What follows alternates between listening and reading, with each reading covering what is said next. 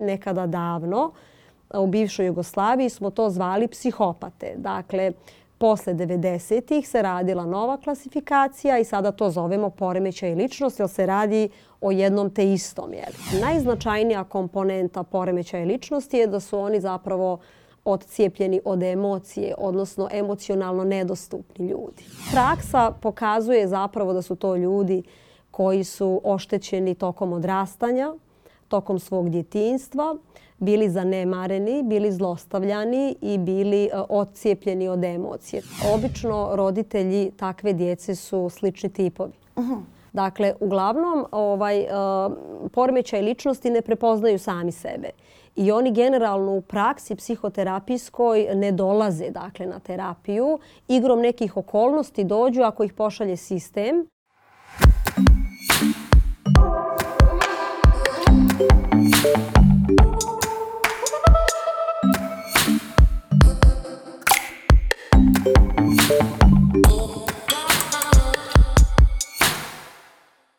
Dobar dan, dragi ljudi, gledate ili slušate podcast Naga uma, e, koji je pre negde tri godine nastao e, između ostalog i kao ideja e, da pruži jednu alternativu u vidu konstruktivnih razgovora, pre svega na temu mentalnog zdravlja koju je u vreme korone onako iskočilo kao jedna goruća tema. Ja sam sada primetila kako ima strašno mnogo tih populističkih i komercijalnih tema i razgovora na internetu o nekim vrlo ozbiljnim stvarima koje imaju da budu i štetne pa se onda rodila ideja za ovaj podcast koja se kasnije proširila e, i na razgovore druge vrste, e, ali s vremena na vreme volim da se vratimo tim korenima, tako da se jako radujem što ću danas razgovarati sa kliničkom psihološkinjem Danijelom Ostojić upravo o e, jednom fenomenu koji je dosta popularan, čini mi se, i dosta komercijalan na društvenim mrežama, taj takozvani narcisoidni poremećaj i pitanje toksičnih odnosa o kojima se dosta zapaljivo, dosta lako govori. To je sve nešto što onako privlači dosta veliku pažnju, podiže algoritme, ali je također vrlo osjetljiva i ozbiljna tema. E, ljudi koji se nalaze u takvim prosto odnosima e, zahtevaju malo višu ozbiljnost i radujem se da danas malo detaljnije govorimo o svemu tome. Danijela, dobro mi došli.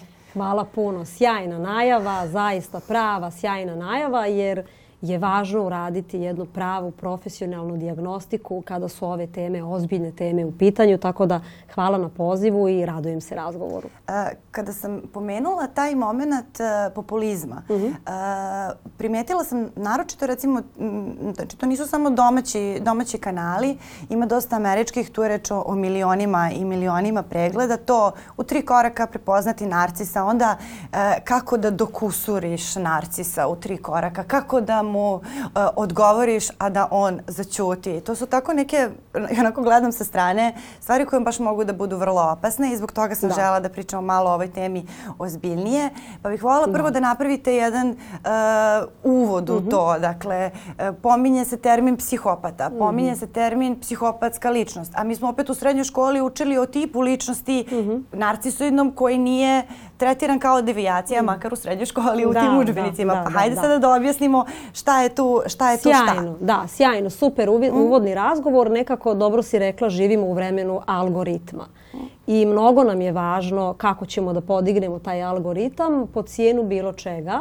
Uglavnom je to cijena kvaliteta i nekog dobrog sadržaja, tako da u kontekstu toga se pojavljuju ove forme dakle različitih e, podcasta, različitih informacija koje nisu provjerene. Pa ja često volim da kažem i da nazovem takve pojave dezinformacije. jer. E, kao klinički psiholog sada već 15 godina prošla sam zaista e, jednu državnu praksu pravog kliničkog mentalnog zdravlja i imala sam sreću da učim od koleginice koja je sada već u penziji, koja je jedna od prvih generacija beogradske kliničke psihologije od starih profesora kada su se nekako knjige pozajmljivale iz Ljubljane i kopirale jer tada nije bilo u Beogradu i tako dalje. I onda sam od nje zaista naučila uh, kvalitetan sadržaj iz psihologije, odnosno kako prepoznati prave poremećaje. E sad, ono što je problem sa ovim populizmom, jel, i čitavom klasifikacijom te priče jeste što zapravo pravi profesionalci ne izlaze u javnost i ne pričaju jeli, na te teme onako kako bi trebalo ili ih ima malo. Jeli, ili ih ima malo, odnosno nekako više je ovih poluprofesionalaca koji se bave tim temama. E sad, što se tiče poremećaja ličnosti, jako ozbiljna forma i forma koja zahtijeva ozbiljnu dijagnostiku. Šta to znači?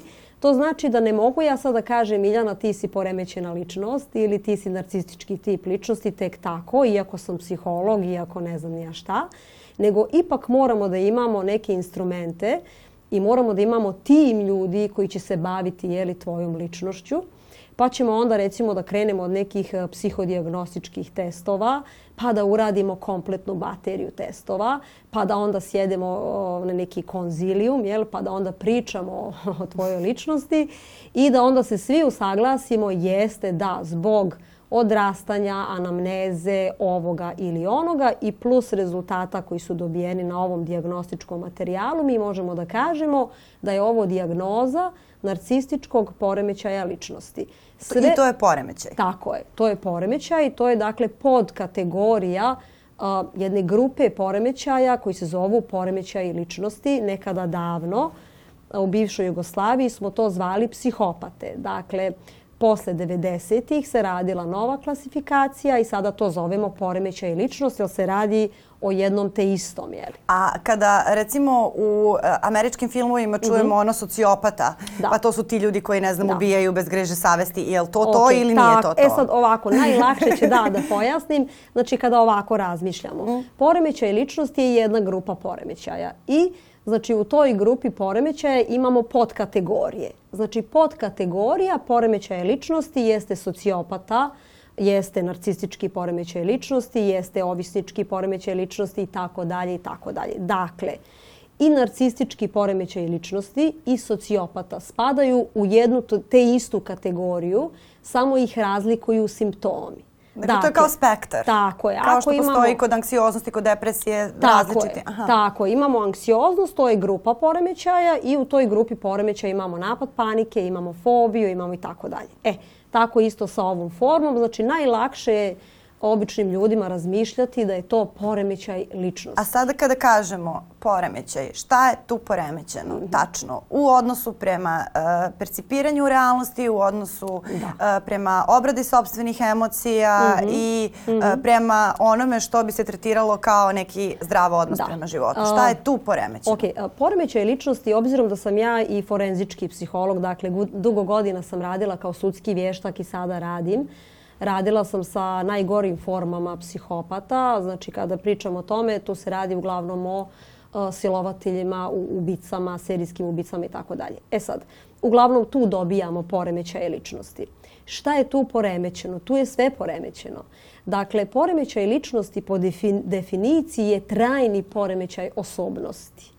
Dakle, e, poremećaj ličnosti, ako sada ste vi sudija ili ti Miljana, ako si sudija, i ti mene pitaš e, da li je poremećaj ličnosti uračunjiv ili nije uračunjiv. Ja kažem uračunjiv. Da. Dakle, jako je kompleksan poremećaj, zato se teško ishvata, zato, što, zato se teško i prepoznaje, zato što ti ljudi su u realitetu oni nemaju halucinacija, oni nemaju psihotične simptome, ali im je osobnost poremećena, što znači... Oni su svesni šta rade. da. Samo što je sve pogrešno. je, ali na izopačen način. Dakle, taj način na koji oni razmišljaju se zove distorzija. Dakle, kognitivna distorzija, odnosno iskrivljenost uma i njihov sistem vrijednosti se bitno razlikuje od normalne osobe. Dakle, e, najznačajnija komponenta poremećaja ličnosti je da su oni zapravo odcijepljeni od emocije, odnosno emocionalno nedostupni ljudi. I sad nauka tu ima dilemu. Šta se tu desilo? Imamo dvije teorije. Jedna je genetska, odnosno da se desilo urođeno li element e, u razvoju mozga, drži ne daj. Međutim, e, praksa pokazuje zapravo da su to ljudi koji su oštećeni tokom odrastanja, tokom svog djetinstva, bili zanemareni, bili zlostavljani i bili e, odcijepljeni od emocije. Dakle, nisu dobili taj primarni atačment, eh, emocionalnu konekciju sa mamom, tatom, najbližim srodnicima, tako rasli i sad uobičajeno u praksi recimo mi možemo da prepoznamo poremećene ličnosti već koje će biti poremećene ličnosti već sa 6-7 godina ili 8. Znači, to su deca koja e, u nekom praktičnom, laičkom smislu nisu naučila da osjećaju onda kada je trebalo i onda je to kasno. Jer mi kad smo mali učimo sve. Tako je, ostao je defekt. Oni su oštećeni u emocionalnoj sferi i to je najznačajniji moment. E, sada, da se vratimo na, ovaj vid e, narcisa koji e, je češći u svakodnevnom životu mhm. i koji je, da kažemo, onako E, manje uočljiv zato što mhm. ne postoje tako teška krivična dela. Mhm. šta, je, tu e, ono u čemu ljudi greše kada postavljaju sebe prema drugom? Jer ja na osnovu tih stvari koje su mhm. viralne. E, nekako mogu i da zaključim šta je ono što ljudima od narcisa najviše treba. To je potvrda. Mhm. Otprilike to je kako da ja dokažem narcisu da mhm. sam u pravu, kako mhm. da me primeti, kako da e, izazovem tu emociju e, koju ta osoba izaziva u meni. Gde je tu greška? Ok, i šta Tu možemo da razmišljamo u, dva pravca. Mhm. Dakle, ako ćemo pričati o narcističkom poremećaju ličnosti, hajde da ga mhm. stavimo u neku kategoriju manipulatora. Recimo, da. Jeste, znači on ima neku vrstu manipulacije kako da te pridobije za neke svoje potrebe i tako dalje, ali neće da pridobije svakoga. Dakle, oni kao da imaju neki receptor koji su razvili godinama da tačno osjete koga mogu da izmanipulišu. Dakle, uglavnom se manipulišu ljudi koji su također tokom svog odrastanja imali neki defekt. Odnosno imaju problem sa samopoštovanjem, samopouzdanjem, sobstvenom vrednošću i tako dalje. Dakle, ne može manipulator baš svakoga da izmanipuliše.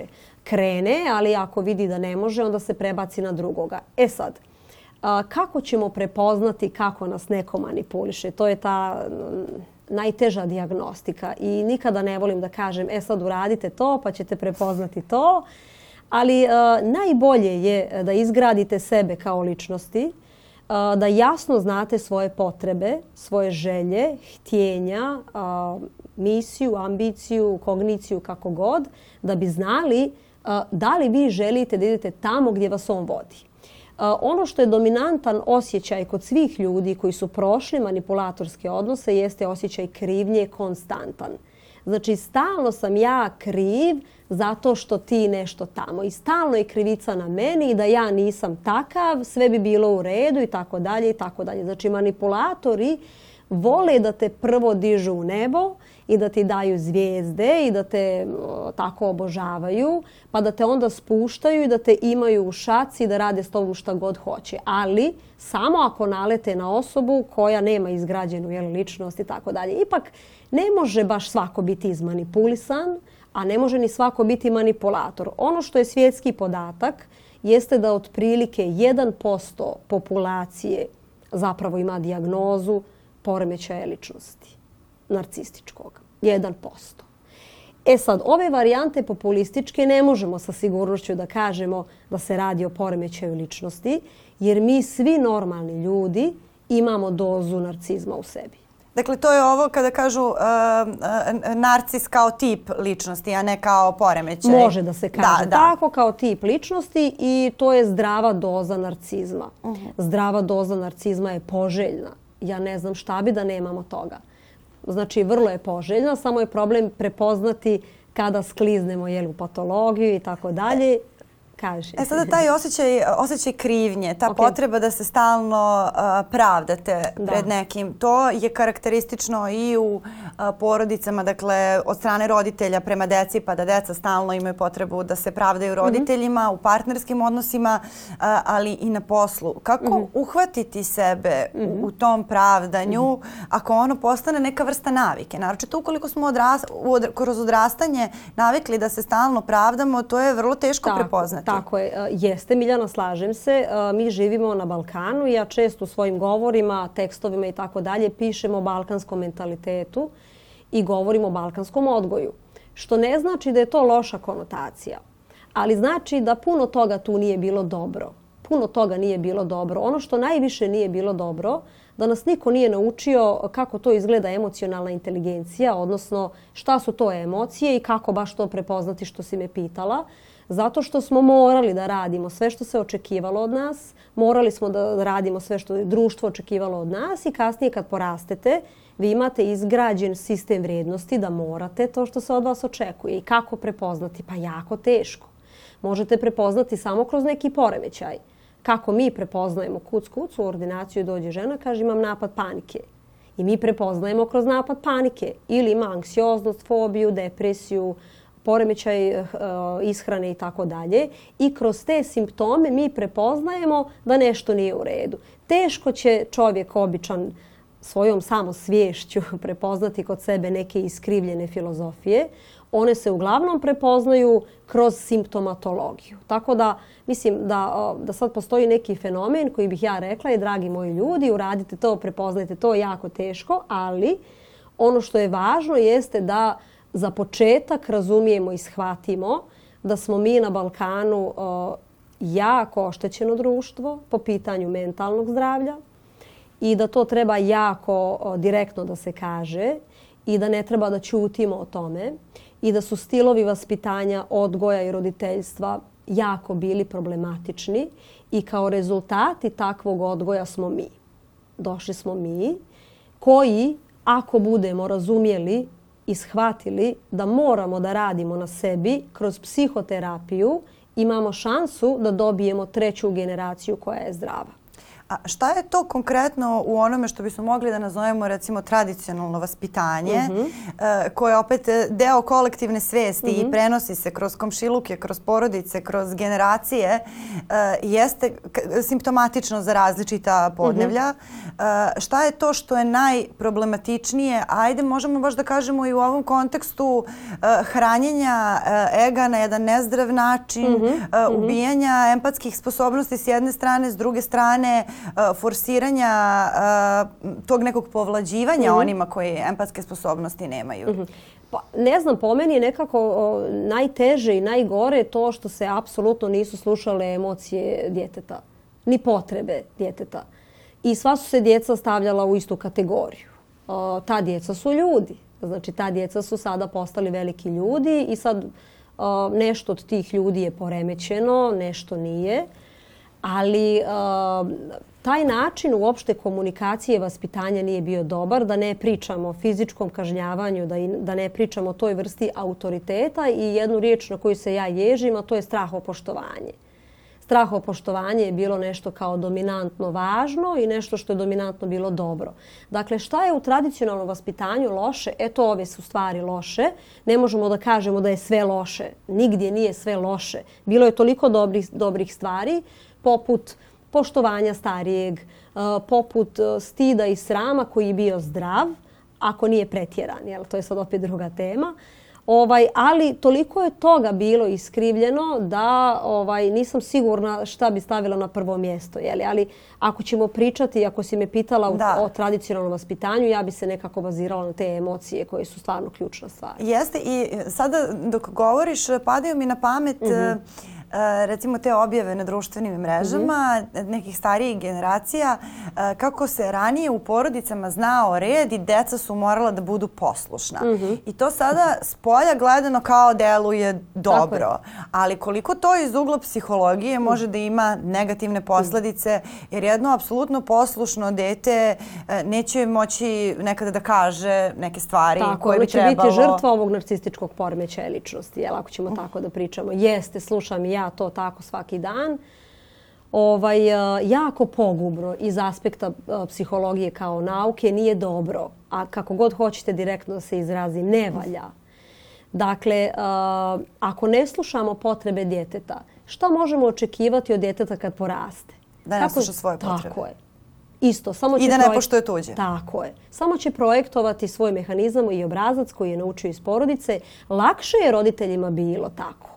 Bilo je mnogo lakše kad tata dođe u tri sata s posla, da poreda djecu tamo u drugu sobu, žena pravi ručak, a on legne da spava. To je bilo lakše, njima naravno. Ali ko je pitao djecu da li oni žele da zagrle tatu? Da li tata želi s njima da razgovara? Šta je bilo danas na treningu? Šta je bilo u školi? Kako se osjećao? Što ima novo? Ja vam potpisujem iz kliničke prakse da većina balkanskih roditelja ne poznaje svoju djecu. Meni u ordinaciji djeca i danas dan pričaju stvari koje nikada roditeljima nisu rekli. Zašto? Zato što ih se plaše. Zato što imaju strah od roditelja. Da li će dobiti kaznu, batinu, kritiku koja je strašna ili će mu oduzeti ljubav. Takve ličnosti su defektne i oštećene za vijeke vijekova. Amin. I psihopata nastaje u djetinstvu, stopostotno garantujem, i e, od stotine slučajeva koje sam radila sudske prakse, sve su mi anamneze skoro iste. Dakle, nemoguće je da smo nešto tu sada pogriješili. Jeli? Anamneze su slične ili iste i one ukazuju na nedostatak emocionalnog odgovora i potrebe u ranom djetinstvu što se kasnije manifestovalo u njegovom defektu ličnosti. Ja kada sam kroz novinarstvo mhm. izučavala slučajeve porodičnog e, nasilja, mhm. u jednom periodu mislim da sam prošla preko 100 različitih e, slučajeva i različitih oblika nasilja. E, ovaj, neka su se završavala ubistvom, neka su se završavala ubistvom i samoodbrane koje je počinila žena nakon dugogodišnjeg zlostavljanja. Tu su različiti e, socijalni krugovi iz kojih su nasilnici dolazili, dakle od akademika do, do ljudi koji nemaju završenu ni osnovnu školu.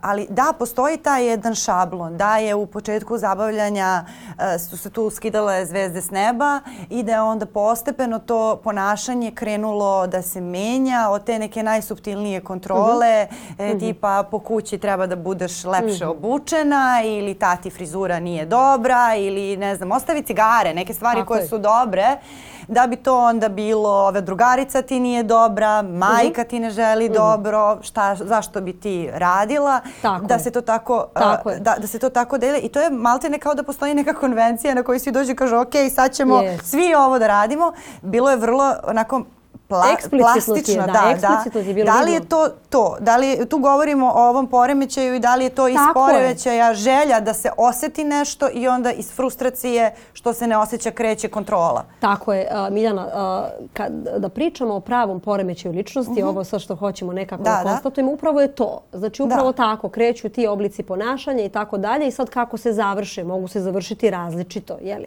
Ali ne možemo da kažemo da je svaki odnos u kome postoji problem poremećen, iz poremećaja ličnosti, odnosno iz spektra narcizma. Ne možemo to. Neki su odnosi prosto toksični i loši, ali nisu iz spektra poremećaja ličnosti. Poremećaj ličnosti je ozbiljan poremećaj i on stvarno mora da ima dijagnozu. Ne možemo da idemo okolo i pričamo ovaj, ja sam depresivan, a da mi niko nije dao dijagnozu za to. Danas smo svi depresivni, isto je tako i sa poremećajem ličnosti. Ozbiljna stavka ali hoću da se nadovežem za odnose. Evo, na primjer, kada se priča o tim, o tim odnosima manipulatorskim. I o konkretno nasilju koje postoji. o nasilju. Uglavnom nam je procenat, naravno, da 80% muškarci vrše nasilje, jer ako će 80-90%, takav je procenat i u poremećaju ličnosti. Zašto se sve to dešava i zašto je takav procenat? Neko moje razmišljanje iz iskustva. Zato što žene na Balkanu nisu naučene ni šta je granica, one su naučene da previše tolerišu sve, pa tako i nasilje. Ne znaju da prepoznaju šta je nasilje. One misle da je to normalno jer je i njena mama tako, pa i komšinica je tako, pa i ona je i, i sad ja moram tako. I znaš kako, dobar je on, baš je dobar čovjek, samo ponekad kad se malo napije bude malo agresivan. On je stvarno dobar komšija i ovaj, dobar je kad dođemo na roditeljski sa svim roditeljima, samo malo u kući je nervozan i tako. To su znači ti različiti izgovori kojima žene održavaju takve odnose i nisu u stanju da ih prekinu, a manipulator ostaje naravno jer mu je tu lijepo ili ima žrtvu i crpi stalno iz nje ono što njemu treba i to se tako vrti. Kada žena odluči, na primjer, da prekine takav jedan odnos, onda se dešavaju havarije. Onda se dešavaju ubistva, onda se dešavaju sudski procesi, onda se dešavaju proganjanja i uglavnom ako se radi o pravom poremećaju ličnosti, eh, jako teško se takvog čovjeka riješiti do kraja svog života. Dobro, zbog toga je toliko važna uloga institucija u zaštiti i o tome smo mnogo puta govorili mhm. eh, kada je baš konkretno tema bila rodno zasnovano porodično, porodično nasilje, o važnosti uloge institucija, ali tu se opet vraćamo na ovu populističku eh, psihologiju, baš zbog te kompleksnosti, do koje mere je opasno otići na YouTube YouTube i pročitati 3-4 savjeta kako da dolijam narcisu i onda doći kod nekoga ko je, nasilnik e, i praktikovati nešto sa, sa YouTube-a. Tu je u stvari ključna ta psihoterapija, neko iskrenije osnaživanje koje traje duže i građenje podrške koje je postepeno. Tako je, nekako razmišljam da to ima puno veze naravno sa našim društvom koje moramo priznati na dnu je neke egzistencije. Jel? i financijske, i moralne, i duhovne, i kakve god obrazovne. Pa se onda ljudi dovijaju različitim tehnikama šta je besplatno, daj da uzmem barem to što je besplatno pa možda mi i pomogne. Dakle, jako je važno naglasiti ljudima da YouTube, Instagram ili bilo koja društvena mreža nije psihoterapijska ordinacija i nije psihijatrijska ordinacija i ne može vam pomoći u izlečenju ničega.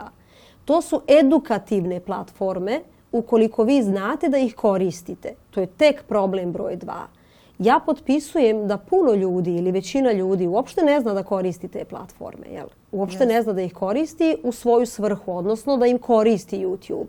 Na YouTubeu imate fantastične podcaste, strane, naše, nije bitno. Probrani gosti, obrazovani ljudi. Slušajte te ljude pa ćete čuti puno pametnih ljudi. Međutim, oni nisu toliko baš popularni. Jel? Više su popularni ovi koji nude rješenja. Nažalost, tu nam ne može niko pomoći osim naša izgrađena samosvijest i obrazovanje i edukacija i duhovnost. E, mnogo mi je žao, ali smo nekako baš duhovno jako propali. I to ima mnogo veze sa različitim poremećajima i u društvu i generalno i e, nekako smatram da mm, moramo da se dižemo. Kako se to radi? Oh. Jao, treba nam još tri podcasta da to ispričam, ali e, hajde za početak da e, počinjemo biti iskreni prema sebi. Pa da onda sebi kažemo, dobro, ja sam čovjek, ja sam grešan čovjek, nisam savršen čovjek, u meni ima puno toga što nije dobro, hajde da krenem to malo da popravljam hajde da krene malo da uradim nešto i za drugoga. Hajde samo da ne prisvajam sebi. Hajde samo da nisam u toj individualnoj kulturi self-love, self-care, ne znam ja šta, samopouzdanja. Hajde malo da pokušam da poslušam tuđe potrebe pa da vidim kakav je osjećaj. Hajde malo idem u crkvu, nije bitno, jesi te ateista, nisi ateista, šta god da si, slušaj neke pametne ljude, slušaj šta ti ima da ti kažu, pomozi komšiju, radi nešto za nekog drugoga, ne moraš samo sebi da prisvajaš, tako da e, e, unazad 20 godina smo mnogo regresirali u tom smislu i moramo početi da se budimo i moramo početi da budemo ljudi. Nema nam drugog, inače ćemo zaglibiti u populizmu svega što nije dobro. E, Pomenuli ste sada samopouzdanje, eh, ali bih voljela da se vratim hmm. eh, na, ovu drugu, stranu, jer smo govorili o tom eh, odnosu sa narcisima. Koliko, se tu, koliko takvi odnosi trajno mogu da uruše hmm. samopouzdanje i samopoštovanje kod osoba koje su za njih vezane? Dakle, tu sam, ne govorim čak samo ni o partnerskim odnosima. Bila mi je Žaklina Tatalović, bio je i mm, psihijatar Igor mhm. Igora o mhm. kojoj oni su govorili govorili o mobingu, mhm. oni su imali bukvalno postraumatski sindrom i ja sam eh, nakon eh, epizode mobinga imala neku vrstu krize profesionalnog eh, samopouzdanja na nekim najbanalnijim stvarima. Mhm, mhm. koliko, to može, da, li može to da postane i trajno i kako izgleda taj proces oporavka? Sjajno primijećeno, sjajno primijećeno, može naravno. To su ponekad klijenti ili pacijenti koji su 3 do 5 godina u terapiji. Dakle, e, mnogo oštećeni e, sa razvijenim različitim poremećajima od PTSP-a do depresije, do noćnih mora, do nesanice koja je trajna i tako dalje. Dakle, e, mogu da budu vrlo oštećeni. Sjetila sam se sad nedavno klijentice koju sam izvukla iz Saudijske Arabije, recimo preselila se, vratila se dakle u Bosnu. Bila je pet godina žrtva jednog pravog narcističkog poremećaja ličnosti jedva se izvukla. Mi sada radimo dakle, na njenim traumama.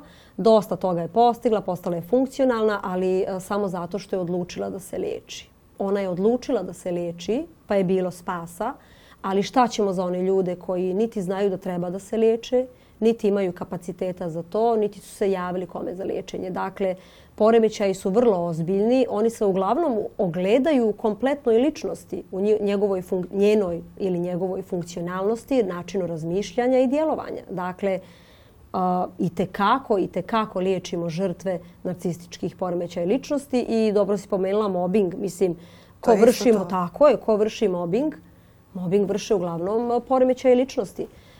Često sam razgovarala sa ovom svojom mentorkom koju sam pominjala na početku. Kada bi uradili diagnostiku direktora, funkcionera i ljudi koji su na high pozicijama, nije bitno kakvih firmi, mi bi našli vrlo zanimljive podatke, a to su uglavnom grupacije ljudi koji spadaju u spektar poremećaja ličnosti.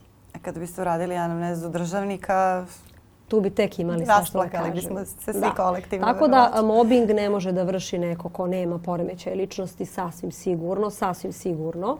A žrtve mobbinga su normalni ljudi. E sad, e, kako e, se sačuvati od toga ukoliko neko prepozna te stvari mhm. kod sebe ili kod svog deteta Eh, ako neko prepozna simptome eh, ozbiljne narcisoidnosti mm. kod sebe ili kod svog deteta, šta je tu mm. rešenje? jako teško prepoznati eh, zato što obično roditelji takve djece su slični tipovi. Mhm. Dakle, uglavnom ovaj, poremećaj ličnosti ne prepoznaju sami sebe i oni generalno u praksi psihoterapijskoj ne dolaze dakle na terapiju. Igrom nekih okolnosti dođu ako ih pošalje sistem ili neka okolnost, jeli, pa nabasaju jeli, kod psihoterapeuta ili psihijatra.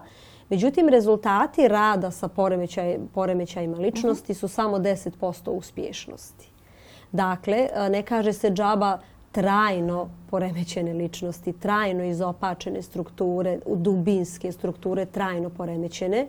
Znači korekcija je moguća 10%. Tako da psihopata neće sam doći na terapiju, sigurno.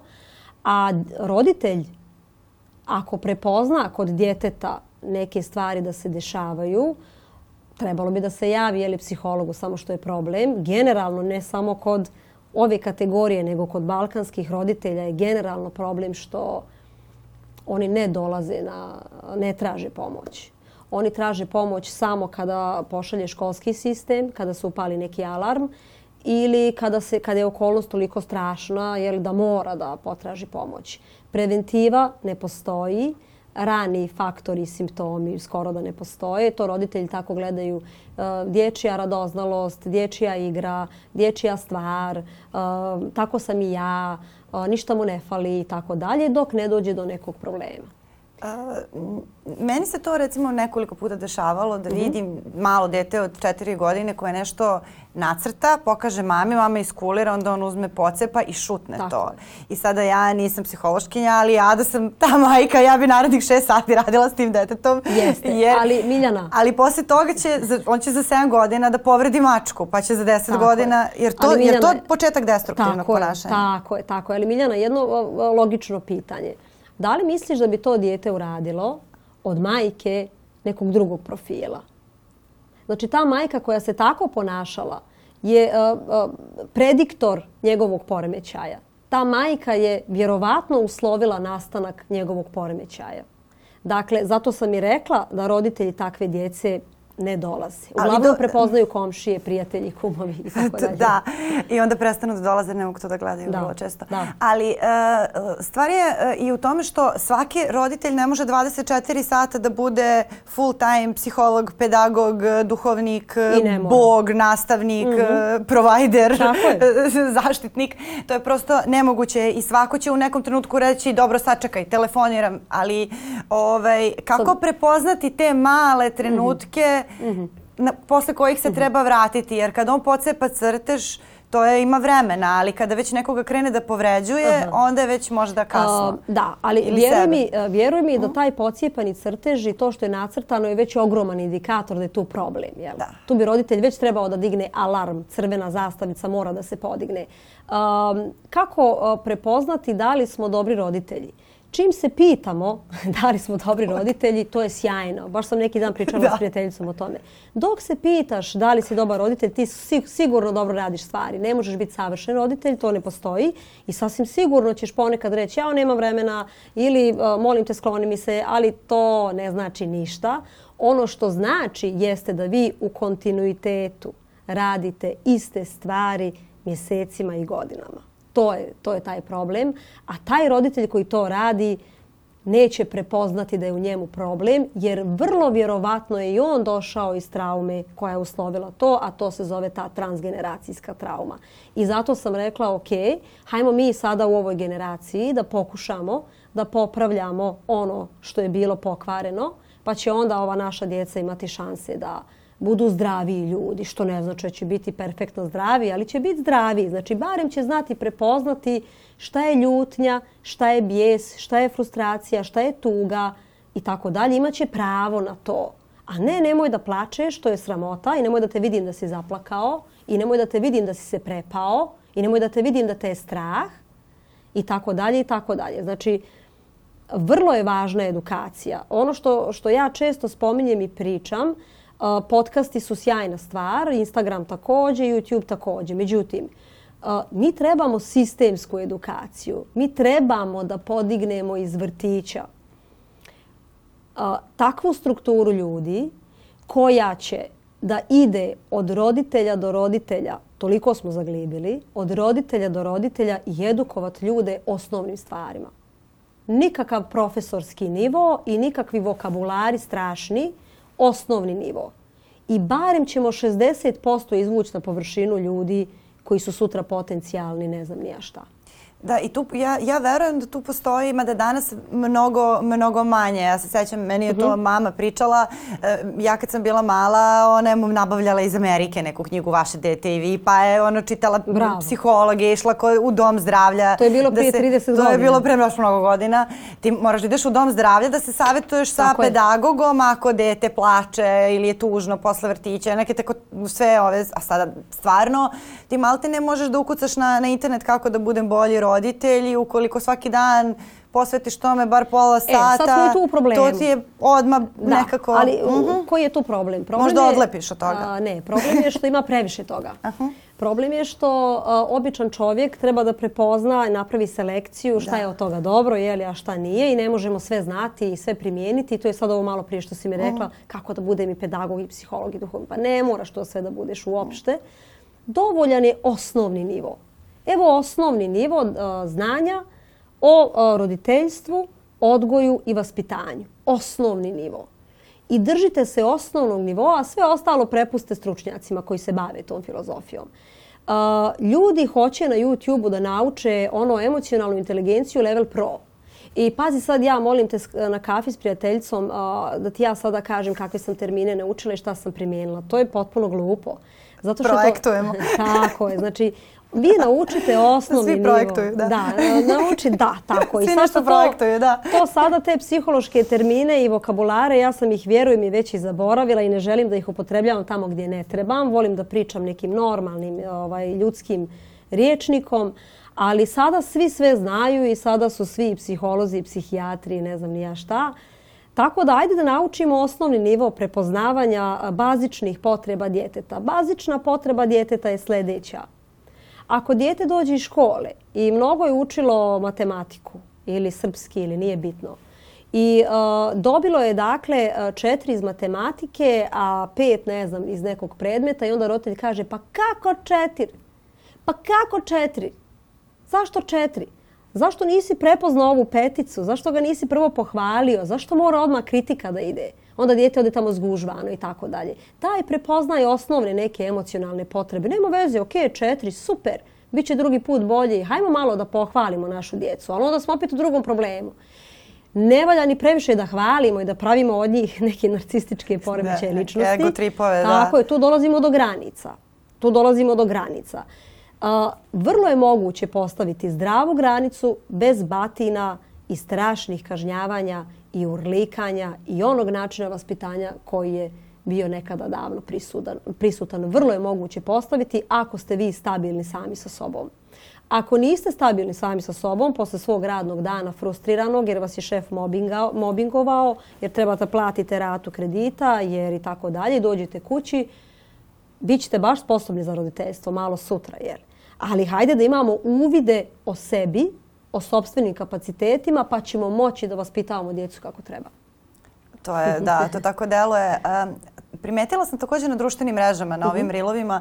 E, skoro isto bila tužiteljka Bojana uh Saović koja je govorila kako kod tog kod tih mladih delikvenata koji su jedva punoletni se baš često dešava da dolaze majke koje apsolutno ne poznaju svoju decu, da oni imaju dokumentaciju sa sve dokazima, da se neko bavi ozbiljnim dilovanjem droge, čak i organizovanjem kriminalnih grupa, navođenjem nekih drugih ljudi na krivična dela. Dakle, to su već neki mali mastermindovi e, koji rastu rastu neke ozbiljne, sutra kriminalne bosove, e, a da majke mhm. imaju neku potpuno drugu sliku i mhm. roditelji jer poznaju svoju decu u toj kućnoj atmosferi mhm ja se sećam, davno sam intervjuisala uh, šefa kolumbijskog narkokartela mhm. koji je uh, bio osuđen na 20 godina nakon što je mhm. izašao. Uh, on je počeo da diluje sa recimo 13, tad je prvi put ubio čoveka, već sa 18 je izvozio preko okeana, dakle to je narkobos, narkobos. Uh, on je mami objasnio sav svoj novac e, tako što je otišao u državnu lutriju negde u Kaliju i sve ih je podmitio da glume da je on e, srećni dobitnik neke glavne premije. Dobro. I sad to, e, kada, recimo pustimo taj reel, da je jedna tužiteljka koja radi sa kriminalcima, priča o tome kako majke e, kriminalaca ne poznaju svoju decu, strašno je veliki, a dobra, ti ne poznaje, da li ti poznaješ svoju decu, odmah je mm. jako je veliki otpor kada nekome kažete možda ne poznaješ dovoljno dobro svoje dete. Jer to je strah. Ja vjerujem verujem da je to strah. Da, ali e, problem su nam ti rilovi. oni, su, rilovi oni su meni i vama. Rilovi su vrata raja i vrata pakla. Da, upravo zato. Zato što je to izvučeno iz konteksta. Zato što je to jedan minut neke informacije i ona nije kompletna informacija. Jel? Ono što je moje pitanje, ovaj, kako, je moguće, e, kako je moguće da roditelji ne poznaju svoju djecu u tolikom kontekstu? ja garantujem da nije moguće. Ja garantujem da roditelji nisu zainteresovani bili za tu djecu, pa onda možemo i da objasnimo da ih naravno i ne poznaju jer nisu bili zainteresovani. Da su bili zainteresovani, nešto bi naslutili. Ali uopšte nisu bili zainteresovani zbog čega, to su sad različiti faktori, zbog svojih ličnih problema, zbog svojih bračnih problema, zbog ovoga ili onoga. Jer je nemoguće da ti se razvija u kući poremećaj, a da ti nisi ništa primijetio. To su priče za malu djecu. Iz kliničkog e, iskustva zaista kažem, a sarađivala sam i sa tužiocima i sa sudijama. Oni imaju jednu drugu percepciju e, sudske prakse i pogleda na tu priču, a mi kada uzimamo anamnezu i radimo sa ljudima imamo drugu percepciju. I uvijek nađemo da su te red, e, da su te crvene zastavice bile prisutne par godina unazad. Samo ih roditelj nije vidio nije, prepoznao i nije ga zanimala. To je ova priča e, pocijepao crtež, kakve ima veze. E, udario mačku, dječja posla. E, razbio kamenom glavu drugaru, ovaj, malo je nestašan. Dečac. Tako je, na primjer. I to se tako opravdavalo, tolerisalo, opravdavalo, dok nije s 15 godina postao glavni šef ne znam, beogradske mafije. Jel? Nije on odjednom postao šef. On je šef postajao možda čak i od treće godine. Pa sad tu nađemo da taj koji je postao šef sa 15 godina, niti ga je ko grlio, niti ga je ko ljubio, niti ga je pitao kako se osjećaš, niti imao bilo kakvu konekciju. Dobijao je poklone, patike, trenerke, sve što mi je bilo potrebno, hranu i tako dalje, nije problem. Ali ono bazično nije dobijao. Jer um, nisam sigurna, nisam pročitala još podatak da je neko odrastao u kako treba uslovima, a da je šef ne znam kakve mafije. I da je da, da neka tako baš ekstremno devijantna tako ličnost tako iz neke znači, srećne, harmonične Roditelji moraju da poznaju svoju djecu, samo je problem što oni nisu za njih zainteresovani. E, sad imam još nekoliko pitanja. Nešto što intuitivno imam osjećaj da je možda, možda slučaj. E, i u tim starijim mhm. generacijama. E, možda neki roditelji nemaju, nije da nisu zainteresovani za svoju decu, ali je ta potreba da njihova djeca budu dobra mhm. toliko velika mhm. da je zaslepljujuća. To je ona mhm. potreba da ne vidim i da pravdam sve što se, što se dešava. da, Jer to isto, to ne mora da bude manjak ljubavi, jer kad kažemo nezainteresovani smo, to je onda kao manjak ljubavi. Da li ima i toga? ima tu svašta, ima i taj roditeljski ego, a najviše ima motiva zašto rađamo djecu. Uvijek volim da se vratim na početak i uvijek volim da razmišljam na taj način, da se ne bavim posljedicama, nego da tražim uzroke. Ako pričamo o uzrocima, hajmo da vidimo koji ti je motiv uopšte bio da dobiješ dijete.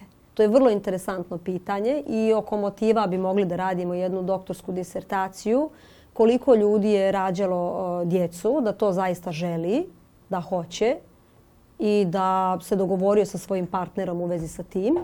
A koliko ljudi je rađalo djecu iz svoje lične neke patologije, odrastanja, moranja, tjeranja, društvenih očekivanja, slučajnih ishoda i tako dalje. Znači, prenatalna psihologija je jedna nauka koja je to jako dobro objasnila.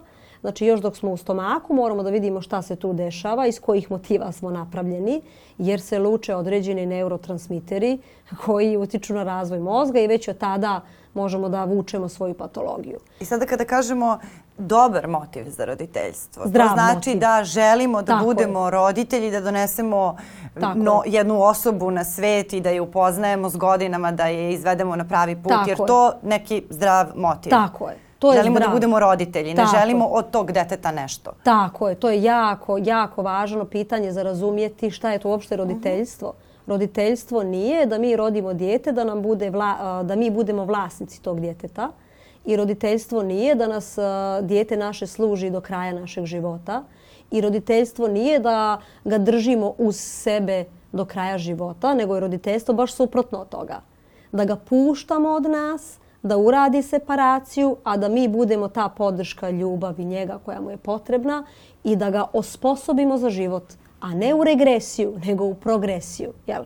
A, nekako balkansko roditeljstvo je slično regresiji. Dakle, to možete da vidite i po životu u zajednici, to možete da vidite i po sinovima koji nisu otišli od kuća svojih, koji su doveli još svoju porodicu tu i tako dalje i tako dalje. Dakle, zdrav motiv za roditeljstvo bi bio baš ta ja želim da imam dijete i želim ovo sa što sam ispričala da bi jednog dana pružio tu ličnost jel, da ide u svijet i da bude svoj čovjek bez da mi je išta dužan. Ništa mi nije dužan. Ja sam ga rodio iz ljubavi. E, to su ti zdravi motivi.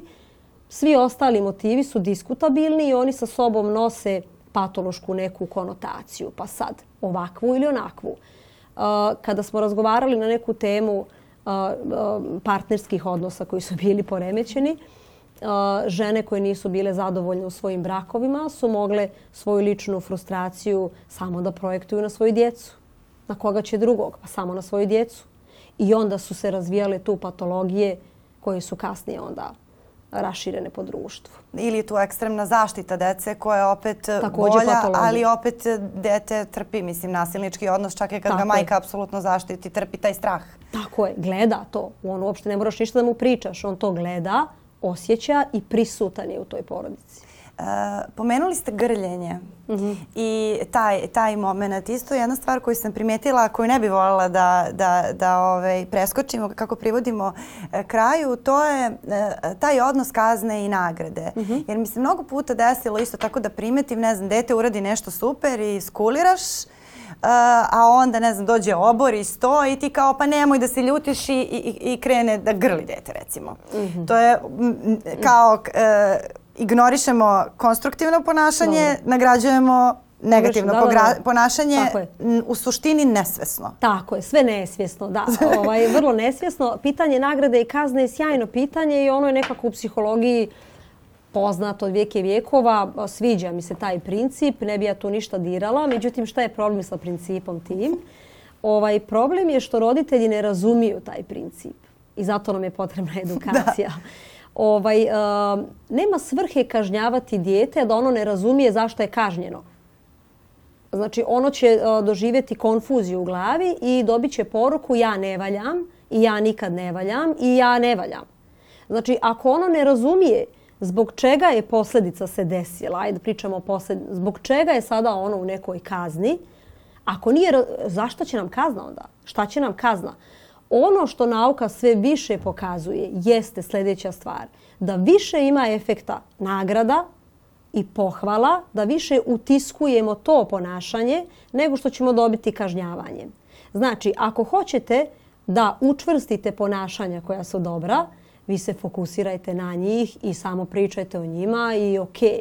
A naravno da mora imati dijete uvid da ovo nije dobro, jel? Ali treba eh, znati kada primijeniti kaznu, posle koliko sekundi dešavanja, jel? jer ne vrijedi sad u gradu mi bili u ušću, ono tamo ne znam šta uradilo i kad dođeš kući dobit ćeš kajš ili, ćeš, ili nećeš dobiti telefon, nije bitno sada. Znači prošao je raspon vremena, on je potpuno zaboravio šta je uradio, i zbog čega je kažnjen, on je dobio poruku, a ne valja i kraj priče. Znači, taj raspon nagrada kazna je važan, treba ga dobro razumjeti. Oko zagrljaja nemam nikakve dileme. Ovaj, mislim, ajde da se grlimo svaki dan, sjajna stvar. Vjerujte mi, Vladeta Jerotić je rekao, divni. Pa mislim, nikom ništa nije bilo od previše ljubavi, ljudi moji.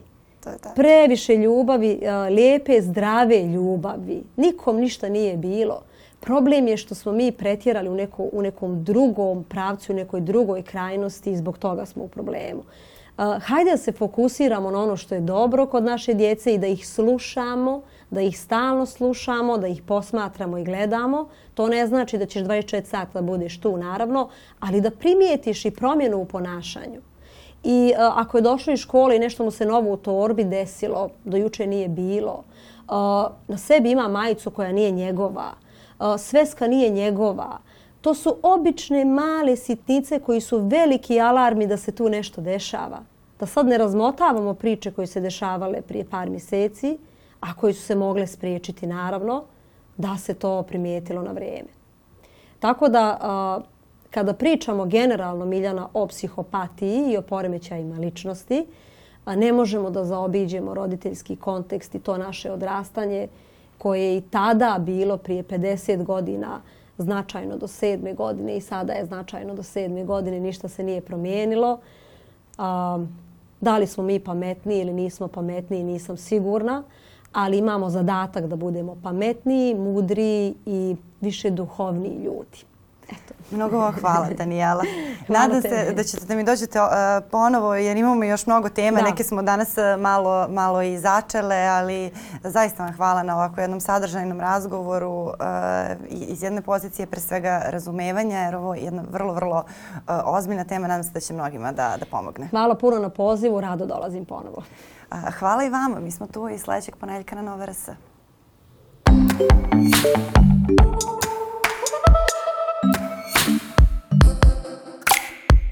Yeah.